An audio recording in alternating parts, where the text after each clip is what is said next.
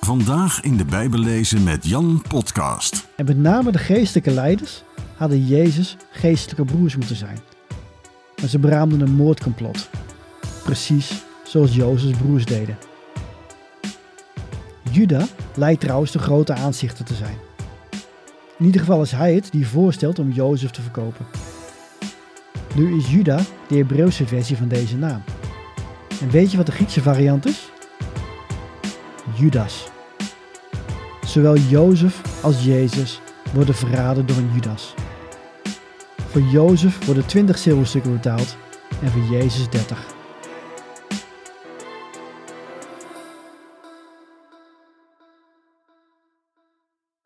Hoi en welkom bij weer een aflevering van de Bijbellezen met Jan podcast. Op het moment dat ik dit opneem, heb ik net mijn boek Ik leer de Bijbel lezen gelanceerd. Ik ben heel dankbaar voor alle mensen die het boek hebben gekocht en ook voor de mooie reacties die ik erop krijg. Zo schrijft een lezer: Ik wil je even laten weten dat ik genoten heb van je boek. Ik had hem eerder al digitaal besteld omdat ik nu op vakantie ben. Ik ga hem zeker nogmaals lezen. Ik heb er nu 10 exemplaren bij besteld om weg te gaan geven. Tot zover haar reactie. Ik hoop dat het boek nog veel meer mensen mag zegenen. Wellicht ken je dat reclamespotje van vroeger nog. Het ging over de Belastingdienst en ze zeiden altijd: Leuker kunnen we niet maken, wel makkelijker. Nou, ik geloof dat we Bijbellezen zeker ook makkelijker kunnen maken, maar ook leuker. Het boek gaat over een vrouw die hulp krijgt bij het lezen in de Bijbel. Zo ontdekt ze dat je verschillende brillen kunt opzetten om een tekst in de Bijbel te doorgronden. Tegenwoordig noem ik dat Bijbellezen in 4D. In vier dimensies dus. Die dimensies zijn 1. De historische dimensie, waarbij je kijkt naar de historische feiten. Wat is er daadwerkelijk gebeurd? 2. De literaire dimensie, waarbij je kijkt naar hoe de Bijbel het verhaal vertelt en wat de tekst eigenlijk betekent. 3. De Jezus-dimensie, waarbij je kijkt naar wat deze tekst ons leert over Jezus. En 4. De levenslesdimensie, waarbij je kijkt naar wat je vandaag de dag kunt met deze tekst. Dus de historische dimensie, het gaat over de historische feiten. De literaire dimensie, hoe de Bijbel het verhaal vertelt. De Jezus-dimensie, wat leert deze tekst ons over Jezus? En de levenslesdimensie, waarbij je kijkt naar hoe je het kunt toepassen in je eigen leven. In deze aflevering van de podcast wil ik graag een voorbeeld geven van 4D Bijbellezen. Ik wil graag samen met jou kijken naar een van de langste verhalen uit de Bijbel. Het verhaal van Jozef, de zoon van Jacob. Eerst kijken we naar de historische kant. Dan de auteur van Genesis dit verhaal vertelt. Vervolgens zoomen we in op hoe je Jezus kunt ontdekken in Jozefs levensverhaal. En tot slot halen we er een les uit voor vandaag de dag. Ik zal de nadruk leggen op de historische en de Jezus-dimensie trouwens. Maar goed, eerst de historische kant. Geloof jij eigenlijk alles wat in de Bijbel staat? Ik bedoel, is het allemaal echt zo gebeurd? De uittocht uit Egypte bijvoorbeeld? Ja? Waarom vinden archeologen en Egyptologen daar dan helemaal geen fysiek bewijs voor? Zou het eigenlijk erg zijn als God zijn volk niet echt heeft bevrijd uit Egypte? Persoonlijk denk ik van wel. Wij geloven dat Jezus echt heeft geleefd, dat hij de zoon van God was, dat hij stierf van het kruis voor onze zonde en dat hij uit de dood is opgestaan. En deze Jezus geloofde dat Israël 400 jaar in Egypte had doorgebracht voordat God hem bevrijdde. Maar is Israël echt in Egypte geweest? De meeste archeologen zeggen van niet. Israël zou volgens de Bijbel namelijk in het district Gozen hebben gewoond, bij de stad Ramesses. Bij deze stad zijn opgravingen gedaan en daar is niets aangetroffen dat duidt op een verblijf van een Hebreeuws volk. De stad Ramesses bestond trouwens niet eens in de tijd van Jacob en zijn zonen. Maar waarom noemt de Bijbel dan toch Ramesses als verblijfplaats? Heel simpel. Exodus is geschreven zo'n 1400 jaar voor Christus, 1400 voor 0. Dat is ruim 400 jaar nadat Jacob, Jozef en de andere Israëlieten kwamen wonen in Egypte. In 1400 voor 0 lag de stad Ramesses op de plaats waar de Israëlieten zich ooit hadden gevestigd. De Bijbel gebruikt dus de naam uit 1400 voor Christus en niet uit 1800 voor Christus. En wat blijkt uit opgravingen?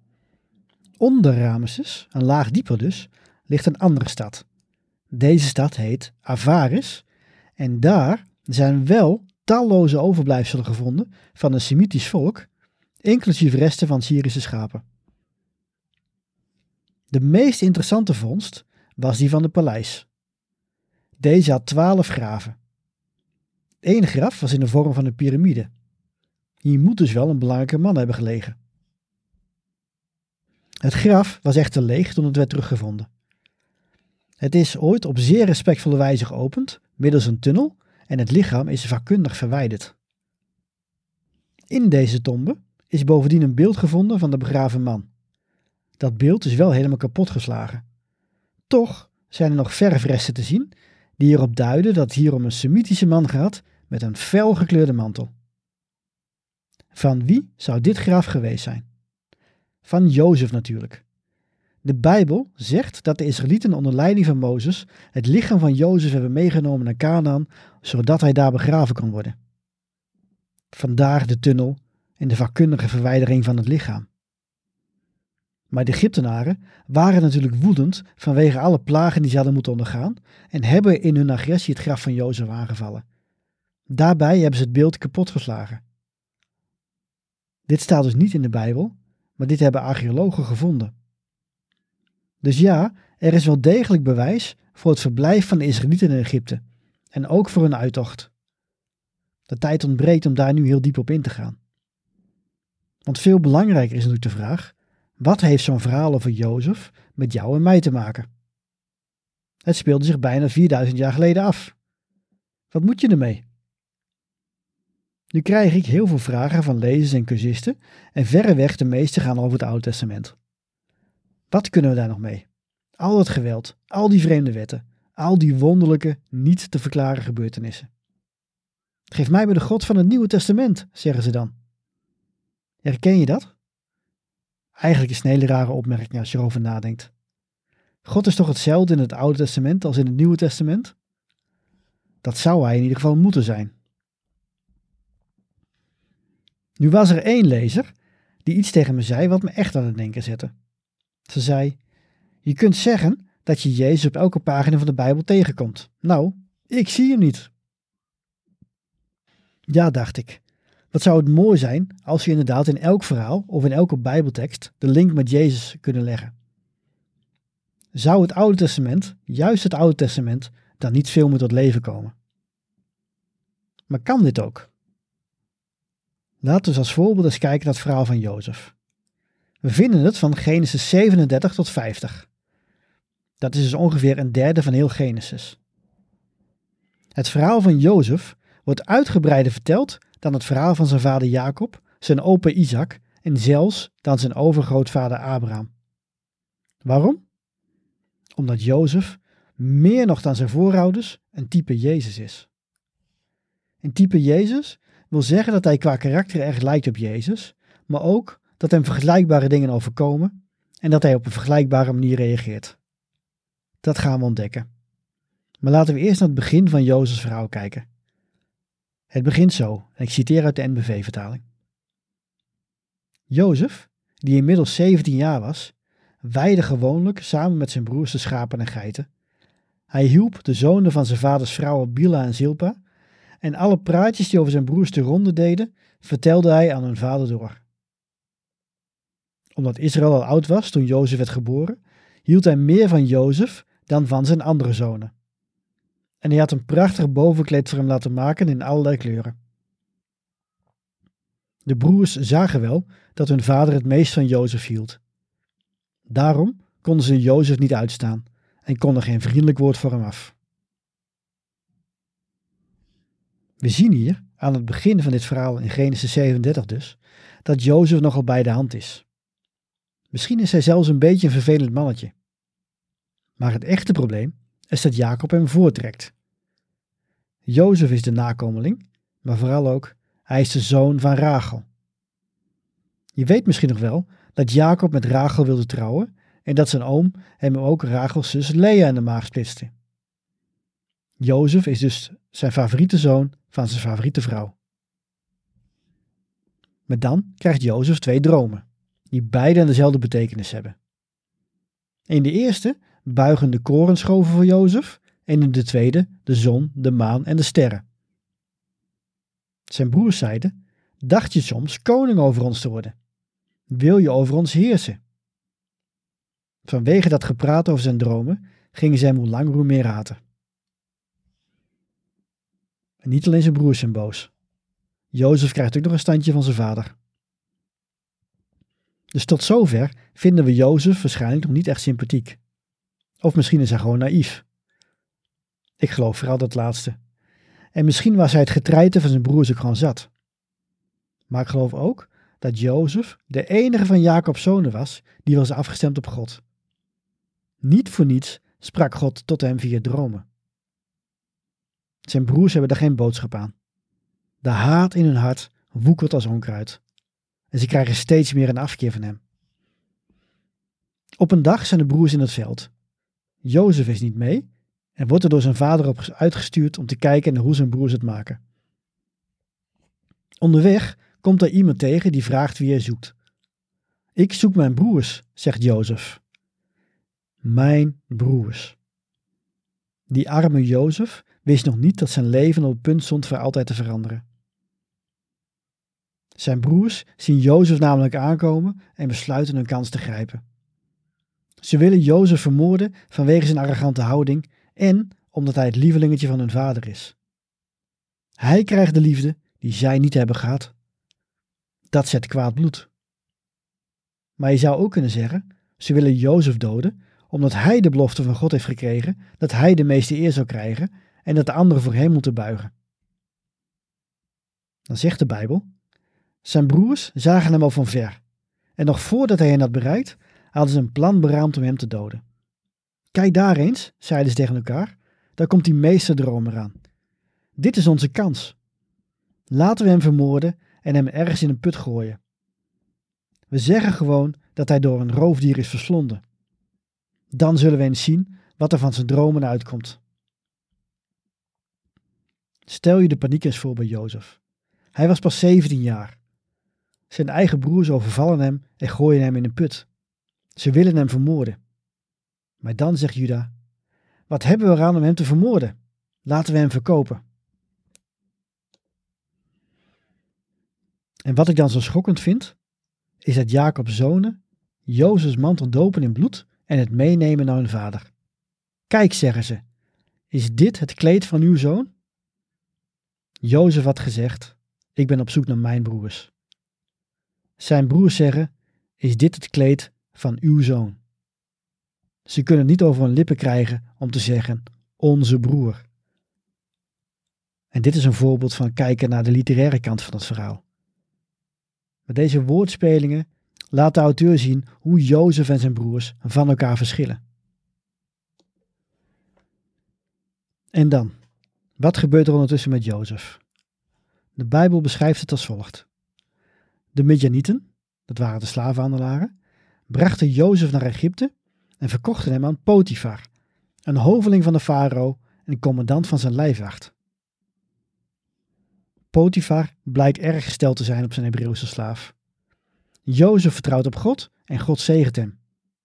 Totdat Potifars vrouw met hem naar bed wil. Jozef verzet zich hiertegen en wordt door de vrouw in de val gelokt, waardoor Potifar hem naar de gevangenis moet brengen. Hij komt in de gevangenis van de farao terecht. En wie runt die gevangenis? Weet je dat toevallig? Jozef zegt dat zelf in Genesis 41. Hij zegt tegen de farao, u liet ons vastzetten in de gevangenis van de commandant van de lijfwacht. Wie was de commandant van de lijfwacht? Dat hebben we net ook al gelezen. Er stond, de Midjanieten verkochten Jozef aan Potifar, een hoveling van de farao en commandant van zijn lijfwacht. Dus Potifar is de baas van de kerker. Hij zorgt er dus voor dat hij over Jozef kan waken in de gevangenis. Nu hebben wij een bepaald beeld van hoe een gevangenis eruit ziet. Een hoog gebouw, ommuurd, lange gangen en tralies voor de cellen. Maar dit is niet zoals een gevangenis er vroeger uitzag. Een paar jaar geleden was ik in Rome en ging ik uh, daar naar de zogeheten Marmentijnse gevangenis. Dit is een vrij onbekend museum en ik was op dat moment daar de enige bezoeker. Het is de plek waar volgens de overlevering Petrus en Paulus zijn opgesloten voor ze werden geëxecuteerd. Die Marmatijnse gevangenis, vaak het gevangenismuseum, bestond uit twee cellen boven elkaar. De cellen leken meer op grotten. Ik kon met een mooie wenteltrap naar beneden. Maar eenmaal beneden zag ik op de vloer van de cel een kuil van ik dacht zo'n 20 centimeter diep. Dat was waar de gevangenen vielen als ze door het gat in het plafond naar beneden werden gegooid. Ik stel me zo voor dat dit ook ongeveer de omstandigheden waren waarin Jozef gevangen zat. Meer een kuil of een put dan een cellencomplex zoals wij die op tv zien. Psalm 105 beschrijft de omstandigheden waarin Jozef gevangen zat.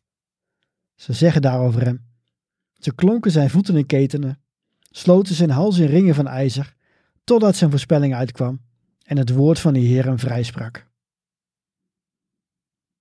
En ondanks deze heftige omstandigheden wordt Jozef niet bitter. Sterker nog, als twee mannen die bij hem gevangen zitten er ochtends erg slecht uitzien, vraagt hij: Hoe gaat het met jullie? Het is zo bijzonder om te zien hoe lief Jozef is. Zelfs op deze verschrikkelijke plek, terwijl hij lijdt ver weg van zijn familie, bekommert hij zich nog om anderen. Hij wil dat het goed met hen gaat. Beide mannen hebben echter een voorspellende droom gehad. En Jozef legt de dromen uit. De bakker zal worden gedood, terwijl de schenker zal worden hersteld in zijn vorige functie. Jozef zegt tegen de schenker: Ik hoop dat u aan mij zult denken als het u straks goed gaat, en dat u mij dan een dienst wilt bewijzen, door de aandacht van de farao op mij te vestigen, zodat ik vrijkom. Want eerst ben ik ontvoerd uit het land van de Hebreeën, en daarna hebben ze me hier in de kerken geworpen, zonder dat ik ook maar iets heb misdaan. Jozef zit onschuldig gevangen. Hij moet lijden terwijl hij niets heeft gedaan. En hij spreekt die woorden uit die echoen door de Bijbel heen. Denk aan mij, zegt hij tegen de schenker. Maar de schenker vergeet hem en Jozef zit nog eens twee jaar gevangen. Tot zover even deel 1 van het verhaal. Het is zo meeslepend dat je eigenlijk geen zin hebt om het te analyseren. Maar laten we dat toch doen, want wat is God werkelijk aan het doen in het verhaal? Waarom staat dit verhaal van Jozef in de Bijbel? Volgens mij staat het erin om jou te helpen Jezus te herkennen als hij die later tegenkomt in de Bijbel. Jozef was namelijk de geliefde zoon van zijn vader en God koos hem uit om Jacob en zijn nageslacht te redden. Op dezelfde manier is Jezus ook de geliefde zoon van zijn vader. Op twee momenten in de evangeliën spreekt God het hardop uit. De eerste is als Jezus zich laat dopen en de tweede als Jezus op de berg de profeten Mozes en Elia ontmoet. Dan het tweede punt. Zowel Jezus als Jozef werden gehaat en afgewezen door hun broers. Jozef was op zoek naar zijn broers, maar werd door hen gehaat en afgewezen. De Bijbel beschrijft ook hoe Jezus niet werd begrepen door zijn aardse broers. Lange tijd geloofden ze niet dat hij werkelijk door God gezonden was. Jezus zocht het hart van zijn broers en zussen. Niet alleen die van de andere kinderen van Maria en haar man, die ook Jozef heet, maar vooral die van zijn geestelijke broers en zussen. Dat waren in eerste instantie de Joden van zijn tijd. En met name de geestelijke leiders hadden Jezus geestelijke broers moeten zijn. Maar ze beraamden een moordcomplot, precies zoals Jozefs broers deden. Juda lijkt trouwens de grote aanzichter te zijn. In ieder geval is hij het die voorstelt om Jozef te verkopen. Nu is Juda de Hebreeuwse versie van deze naam. En weet je wat de Griekse variant is? Judas. Zowel Jozef als Jezus worden verraden door een Judas. Voor Jozef worden 20 zilverstukken betaald en voor Jezus 30. Voor beide werd dus de gangbare prijs voor een slaaf betaald. Dat is namelijk de volgende overeenkomst. Jozef werd gedwongen zijn familie te verlaten om slaaf te worden. Maar Jezus koos er vrijwillig voor om slaaf te worden, staat die Filippenzen. Daar schrijft Paulus namelijk: Hij, Jezus dus, die de gestalte van God houdt, hield zijn gelijkheid aan God niet vast, maar deed er afstand van. Hij nam de gestalte aan van een slaaf en werd gelijk aan een mens. En als mens verschenen, heeft hij zich vernederd en werd gehoorzaam tot in de dood. De dood aan het kruis. Dan het volgende punt. Jozef kwam in de gevangenis terecht en zat vast met twee vermeende misdadigers. Hij vroeg aan de schenker die zou worden vrijgelaten: Denk aan mij. Ruim 1800 jaar later hing Jezus aan het kruis met aan zijn zijde twee dieven. Ze bespotten Jezus totdat een van hen tot inkeer kwam en inzag dat de zoon van God naast hem hing. Denk aan mij, vroeg de dief. De schenker dacht twee jaar lang niet aan Jozef, maar Jezus zegt tegen die crimineel aan het kruis: Nog vandaag zul je met mij in het paradijs zijn. Zie je hoe mooi deze parallellen zijn? Jozef is de geliefde zoon. Hij wordt slaaf en moet veel lijden. Toch blijft hij gehoorzaam aan God. Maar we gaan nu zien dat Jozef door te lijden de overwinning heeft behaald, want uiteindelijk werd hij verhoogd en kwam hij in een positie om de wereld te redden. We pakken de draad weer op. Na twee jaar wordt Jozef eindelijk uit de gevangenis gehaald en mag hij de dromen van de farao uitleggen. Er komen zeven vette en zeven magere jaren aan. Een van de dromen gaat trouwens over koeien die uit de Nijl komen. De vette koeien eten de magere koeien op. Maar waarom komen ze uit de rivier de Nijl? Een Egyptoloog, van wie ik veel heb gelezen, zegt dat de Nijl van het grootste belang was voor de voedselproductie in het oude Egypte. Ieder jaar overstroomde de Nijl. De rivier irrigeerde zo het land. Dan trok het zich weer terug en konden er gewassen worden verbouwd. Nu was het zo dat de Egyptenaren de waterstanden bijhielden op de rotsen. Die waterstanden zijn gevonden. En wat blijkt? Gedurende een bepaalde periode overstroomde de Nijl meer dan anders, waardoor er dus meer land vruchtbaar werd en de oogsten vele malen groter waren. Dit waren de zeven vette jaren. Maar wat gebeurde er daarna? De rivier overstroomde nog veel meer dan tijdens de zeven vette jaren. Dit had als gevolg dat het land te lang onder water bleef staan en er niet kon worden gezaaid. De oogsten waren daarom uiterst mager. Terug naar het Bijbelverhaal. Jozef wordt benoemd tot een soort van onderkoning. Hij zit als het ware aan de rechterhand van de farao, want in het hele land is er niemand belangrijker dan Jozef op de farao na. Hij bereidt Egypte voor op de hongersnood die God in dromen aan de farao voorspelt.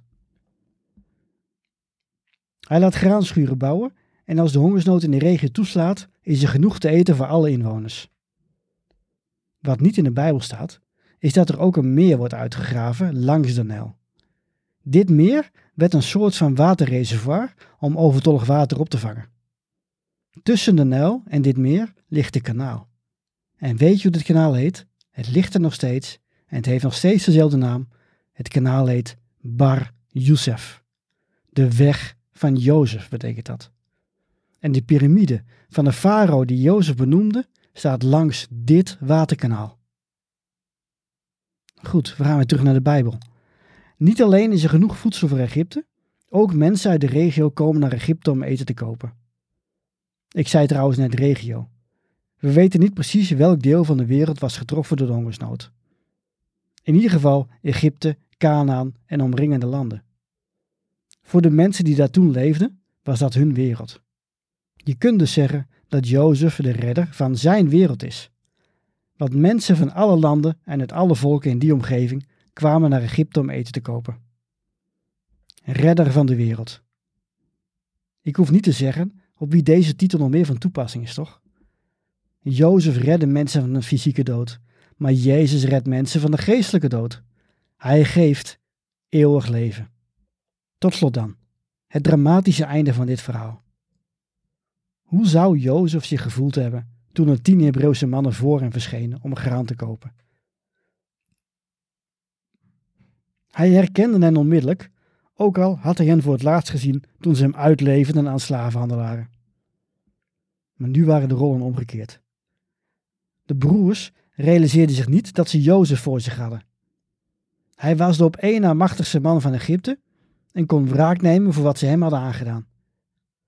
En het lijkt erop dat Jozef deze optie serieus overwoog. Want het eerste wat hij doet, is hen beschuldigen van spionage. Hij heeft daar geen enkel bewijs voor, maar laat hen toch drie dagen gevangen zetten. Jozef moet in die dagen veel tot God hebben gebeden, want toen zijn broers weer naar hem werden toegebracht, zei hij: Als jullie in leven willen blijven, doe dan wat ik zeg, want ik heb ontzag voor God. Als jullie werkelijk eerlijke mensen zijn, moet één van jullie hier gevangen blijven. De rest gaat naar huis met graan om de honger van jullie gezinnen te stillen. En breng me dan je jongste broer, om te bewijzen dat jullie de waarheid hebben gesproken. Dan wordt niemand van jullie ter dood gebracht. De broers die schrokken hevig en ze zagen Jozefs woorden als straf voor wat zij hem hadden aangedaan. Al wisten ze op dat moment nog niet dat het Jozef was die hen te woord stond. Hij sprak Egyptisch en liet zich vertalen. Maar Jozef verstond hen wel en was diep ontroerd dat het erop leek dat ze brouw hadden van hun daad. Nu moet ik een beetje inkorten omdat er zoveel gebeurt, maar uiteindelijk komen Jozefs broers een tweede keer. En ditmaal hebben ze Benjamin bij zich, Jozefs jongste broer. En Jozef verzint een list om Benjamin bij zich te houden. De broers smeken hem om genade. We zijn allemaal bereid om uw slaven te worden in de plaats van Benjamin. Dan neemt Juda het woord. Ongeveer twintig jaar eerder was het zijn idee geweest om Jozef te verkopen.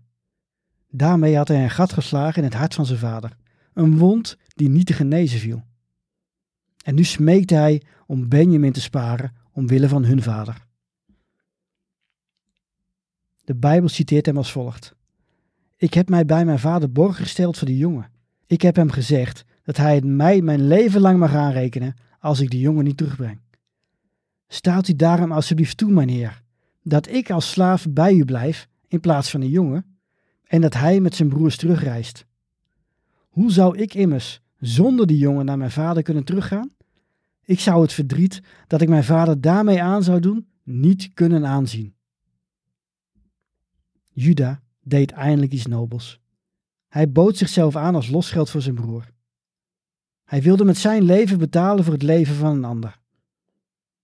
Juda is de voorvader van Jezus, die zichzelf vrijwillig aanbood omwille van het hart van zijn vader. Ja, Juda wilde Benjamin redden, maar hij deed het vooral om zijn vader meer leed te besparen. Jezus redde ons ook vanwege zijn vader.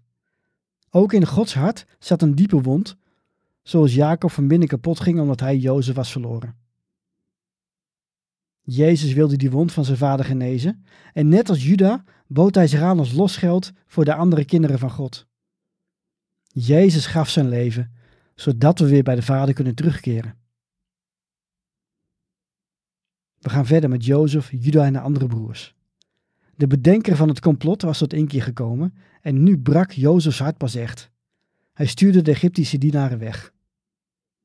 Hij, Jozef dus, barstte in tranen uit en huilde zo luid dat de Egyptenaren het hoorden en dat het ook in het paleis van de farao te horen was. Hij zei tegen zijn broers: Ik ben het, Jozef. Leeft mijn vader nog?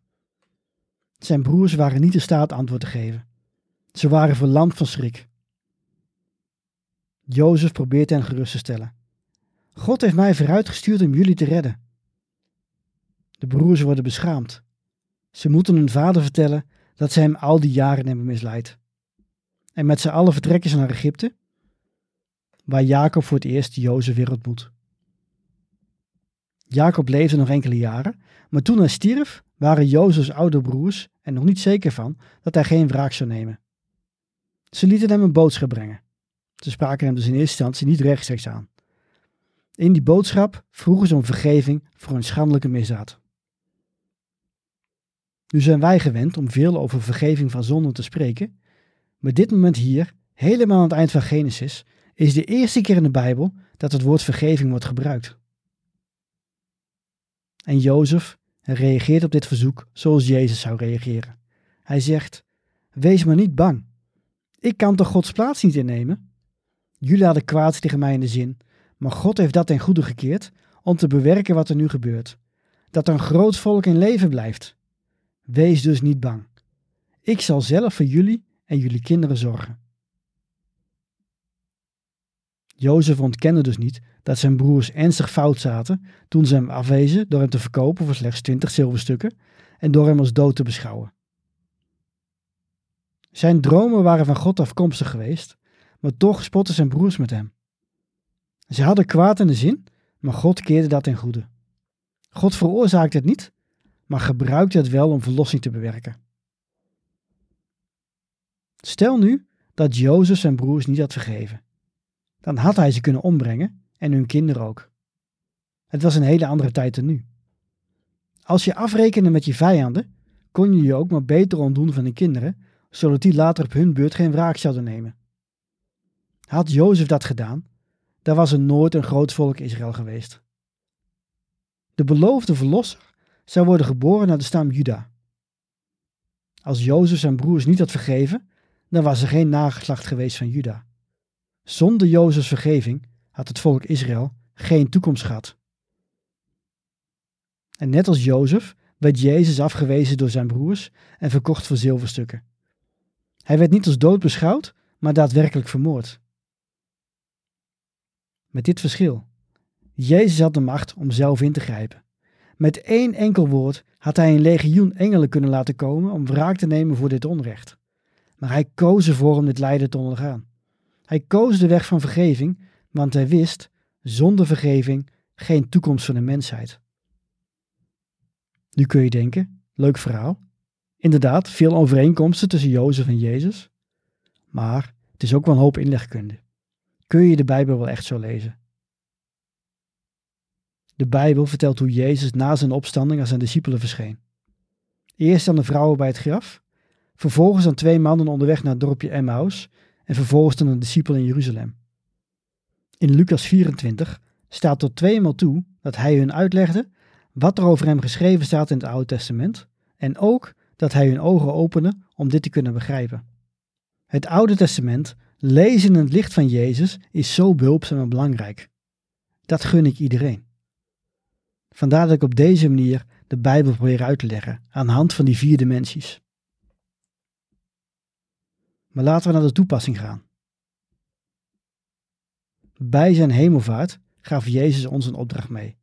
Hij zegt: Ga dus op weg en maak alle volken tot mijn leerlingen, door hen te dopen in de naam van de Vader en de Zoon en de Heilige Geest, en hun te leren dat ze zich moeten houden aan alles wat ik jullie opgedragen heb. Wat vraagt Jezus dus in essentie? Dat we net als Jozef een type Jezus zijn. Dat ons leven dat van Hem mag weerspiegelen. Wij zijn de schaduw van Jezus. Niet volmaakt Hij, maar dat hoeft ook niet. Mijn vraag aan jou is: hoe kun jij een type Jezus zijn? Het leven gaat niet altijd zoals we dat willen. Soms moet je lijden buiten jouw schuld om, zoals Jozef. Soms word je ook juist heel erg gezegend en gaat het je voor de wind. Ook dat zien we bij Jozef. Waarom was Jozef een type Jezus? Hij had de natuur van Jezus. Hij reageerde zoals Jezus dat later zou doen. En hij weerspiegelde Jezus. Jezus zelf stond Jozef bij in zijn moeilijke periode. En hij zal ook jou bijstaan. Amen. Ik hoop dat deze manier van Bijbellezen, in vier dimensies dus, je heel erg aanspreekt. Als dat zo is, lees dan het boek Ik leer je de Bijbel lezen. Je kunt het vinden op mijn website bijbellezenmetjan.nl. Hartelijk bedankt voor het luisteren. Veel zegen en tot een volgende keer.